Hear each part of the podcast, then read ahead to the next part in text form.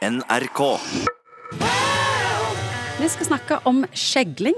Og de fleste av oss vet at da står ikke øynene parallelt med hverandre. De peker liksom i ulike retninger. Eh, Og det er slett ikke bra. Nei, Hva er årsaken til at det skjer? man blir født med det.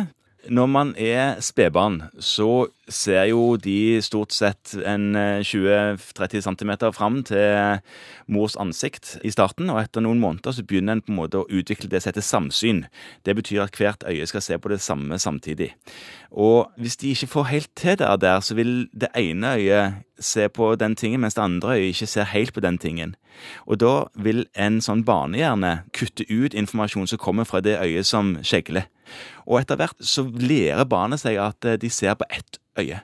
Men det du sier, det er egentlig at alle babyer skjegler på et eller annet eh, tidspunkt. Tidlig så skjegler veldig, veldig mange. Når skal vi begynne å bli bekymra? de fleste ser dette når barnet er ett, to, tre, kanskje år. Det kommer litt sånn etter hvert. Og så er det så viktig å oppdage dette tidlig. Hvorfor Ja. det?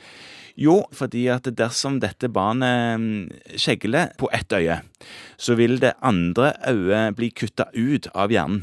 Og da utvikler det synet seg på det øyet ikke godt. Og da, Du får et favorittøye, og så dør det andre. ja, du kan si det så enkelt, selv om Kan du eh, bli blind på det du ikke Du kan bli blind, men det vanlige er at du blir, blir veldig svaksynt på det øyet som kuttes ut. Men man begynner jo ofte å lappebehandle, som man ofte gjør i eh, barnehagealderen. Og tvinger de til å bruke det vonde øyet? Nettopp. Da lager man, og det syns jo barn er veldig fjollete, hvorfor i all verden skal jeg få lapp over det øyet jeg faktisk ser på?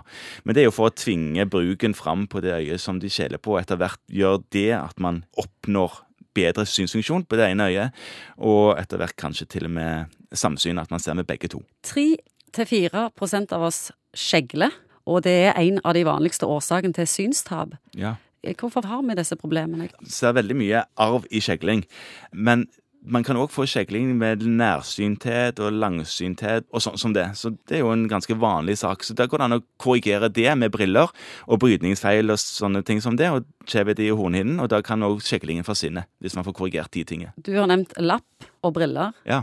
Så vet jeg at noen har operert. Ja, det går an å operere. Man har eh, øyemuskler som eh, er med på å sette øyet i posisjon i skallen, og da kan man justere på millimeterpresisjon posisjonen til øyet ved å forkorte enkelte øyemuskler. Og Det er det noen som gjør. Jeg tror det er en 1000-2000 i året som opereres, og flesteparten av de, iallfall over halvparten, er barn. Hvis du er helt vilt eh, sjeløyd, Ja, er det da alltid mulig å gjøre noe? Eller er det håpløse tilfeller? det er ikke alltid mulig å, å fikse sjeløydhet. Det er det ikke. Hvorfor skjegler vi når vi er trøtte? Ja, Det er de som har det som heter latent skjegling, som betyr at eh, man skjegler kun når man ikke orker å tvinge hjernen til, eller øynene til samsyn.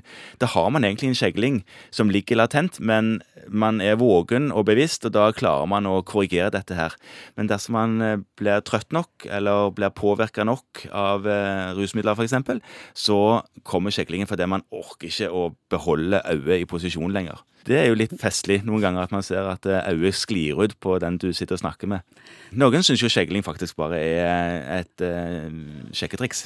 At, man- at man ser litt uh, pen ut. Det er jo sjarmerende. Ja, det er jo noen som syns det er- det er supersjarmerende med skjegling. Er det ikke Liv Tyler som skjegler litt?